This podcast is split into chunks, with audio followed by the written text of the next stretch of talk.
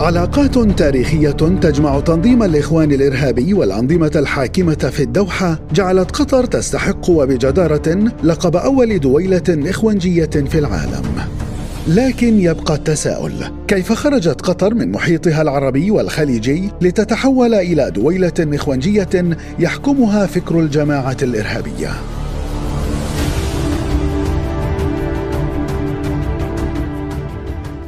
رغم أن الدوحة لم تعلن يوما أنها محكومة بفكر جماعة الإخوان الإرهابية فإن سياساتها وتوجهاتها الداخلية أو الخارجية تكشف عن حقائق لم تذكر. فموارد الدوحة وثرواتها مسخرة وبشكل واضح لخدمة الأجندة الإخوانية المشبوهة. المشروع الإخواني الهادف لتخريب الدول العربية والإسلامية هو المنهج الذي سارت عليه الدوحة لسنوات. ما يكشف عن حقيقة النظام القطري المدار بأفكار جماعة الإخوان الإرهابية. العلاقة بين الإخوان والأنظمة الحاكمة في قطر تعود إلى الستينيات من القرن الماضي، وبالتحديد في عهد الزعيم المصري الراحل جمال عبد الناصر، حين ضيق الخناق على الجماعة الإرهابية بعد محاولاتهم قلب نظام الحكم والتعاون مع بريطانيا ضد القاهرة، ليلجأوا إلى الدولة الناشئة حديثا في ذلك الوقت قطر.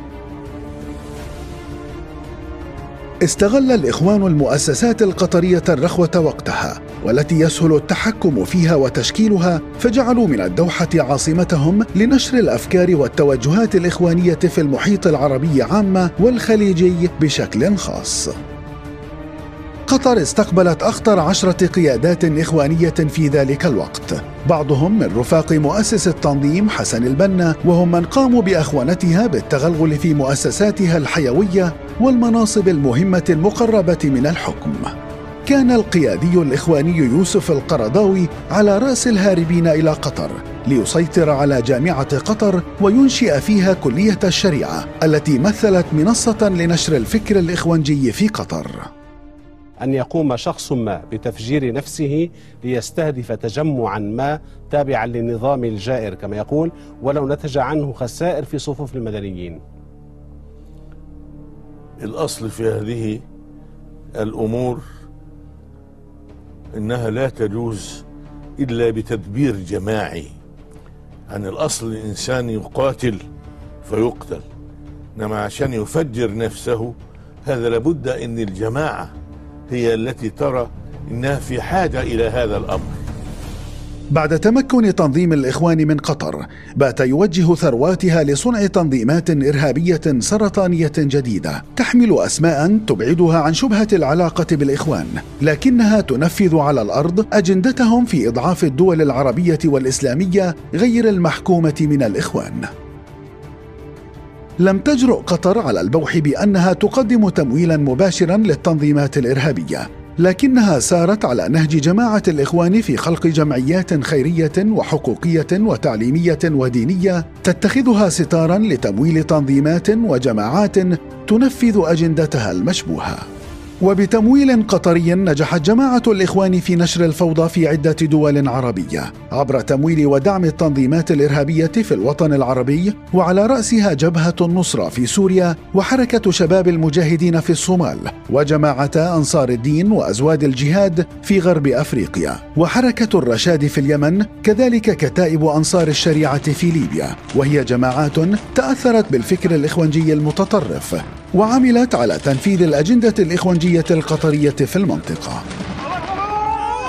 لم تكتف الدويلة الإخوانجية بزعزعة أمن واستقرار الدول العربية، لكنها فتحت باب التعاون مع نظام الملال الإيراني للاستفادة من الخبرة الإيرانية في خلق الميليشيات الإرهابية واختراق الدول رغم الاختلاف المذهبي المعلن، فالغاية هنا دائما ما تبرر الوسيلة. ورغم مرور عقود فإن جماعة الإخوان لم تنس هدفها الأكبر جمهورية مصر العربية لتستأثر القاهرة بالنصيب الأكبر في المخططات التخريبية لتنظيم الحمدين الإخوانجي. أدبيات الإخوان تؤمن وبشكل واضح بأن إتمام السيطرة على المنطقة العربية لن يكون إلا بحكم مصر فلجأت الجماعة لاستغلال أحداث ثورة الخامس والعشرين من يناير للانقضاض على حكم مصر بدعم قطري سياسي ومادي وإعلامي واسع. وهو ما بدا واضحا من التغطية الإعلامية لقناة الجزيرة لأحداث الخامس والعشرين من يناير وما تبعها والزيارات المكثفة لمسؤولين قطريين للقاهرة في ذلك الوقت. ولتحقيق المشروع الإخوانجي بالسيطرة على حكم القاهرة قدمت قطر إغراءات مالية طائلة بلغت أربعة مليارات دولار لتسهيل الحصول على صفقات اقتصادية في مصر.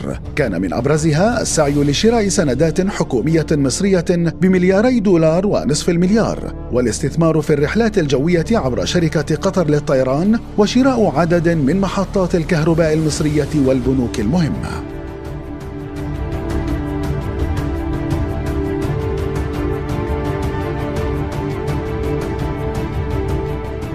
المخططات الإخوانجية القطرية فشلت وبشكل واضح في أعقاب نجاح ثورة الثلاثين من يونيو التي أطاحت بحكم جماعة الإخوان في مصر وأسقطت أحلام قطر في السيطرة على السلطة في القاهرة لتتجه الدويلة الإخوانجية للهجوم على النظام المصري بعدما أفسد الشعب المصري مخططاتهم المشبوهة.